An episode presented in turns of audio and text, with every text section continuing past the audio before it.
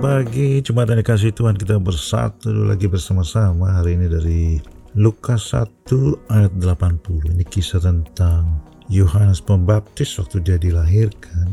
Katakan anak itu bertambah besar dan makin kuat rohnya dan ia tinggal di padang gurun sampai kepada ia harus menampakkan diri kepada Israel. Bagian yang kita lihat di sini adalah ketika Yohanes bertambah besar secara fisik, katakan rohnya makin kuat.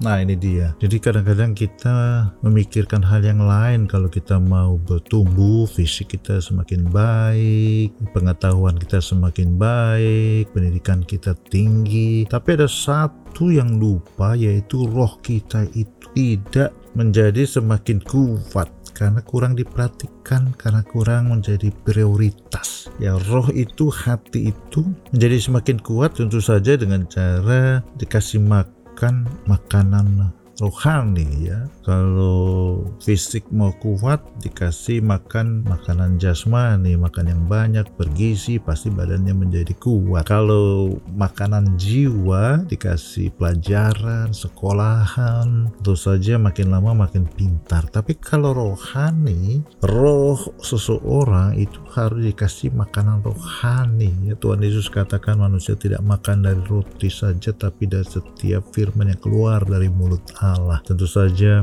hal ini harus menjadi prioritas. Kalau tidak orang bisa saja menjadi Kristen lama tapi rohaninya tidak bertumbuh, rohnya tidak semakin kuat. Bagaimana Pak bisa-bisa tahu kalau seseorang rohnya tidak kuat? Ya lihat aja kalau dia mengalami persoalan, mengalami pergumulan di dalam kehidupan dia, orang yang rohaninya tidak kuat langsung kolaps, menyerah, murtad, meninggalkan Tuhan, atau paling tidak dia menjadi bimbang, ragu, mundur, kecewa, tawar hati. Ya kalau orang masih mulai mengenal Tuhan, mengalami begitu ya oke okay lah ya. Tapi kalau sudah belasan tahun, puluhan tahun mengenal Tuhan Yesus tapi masih juga kecewa, tawar hati, mundur, pahit hati bahkan mungkin berarti rohaninya tidak bertumbuh bahkan juga tidak kuat. Sebab itu hari-hari ini kita harus prioritaskan juga pertumbuhan rohani kita mendengarkan khotbah, membaca firman sendiri, menjadi pelaku firman, sering